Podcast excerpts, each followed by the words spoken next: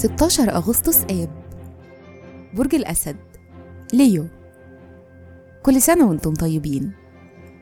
الصفات العامة للبرج الرفيع المشرف الطفل المبدع الفنان والمحب.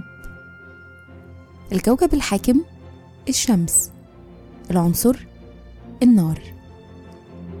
الطالع في يوم ميلادكم. رحلة الحياة. من سن ست سنين بتبدأ فترة 30 سنة من الاهتمام بالجوانب العملية وبناء نظام كفء لحياتكم خصوصا في مجال العمل. من سن 36 بتبتدوا تحسوا بتحول وبتهتموا بعلاقاتكم وبتظهر المواهب الفنية أو الدرامية أو الأدبية اللي عندكم. الشخصية داخليا أنتم أشخاص عمليين وبتقدروا تقدموا نصايح كويسة للآخرين. مهرة العمل. الحماس مكون جوهري في نجاحكم. بتنجذبوا للعمل في المؤسسات أو الكيانات الكبيرة أو في الإعلام. بشكل عام أي مهنة هتختاروها مش هترضوا بدور ثانوي فيها. تأثير رقم يوم الميلاد.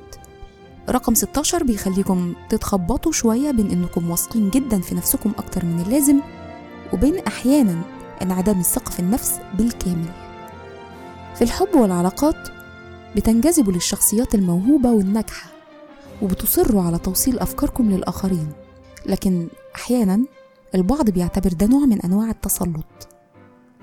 بيشارككم في عيد ميلادكم ويليام فونت مؤسس علم النفس التجريبي لورنس العرب المخرج الأمريكي جيمس كاميرون مادونا وتامر حسني. وكل سنة وأنتم طيبين.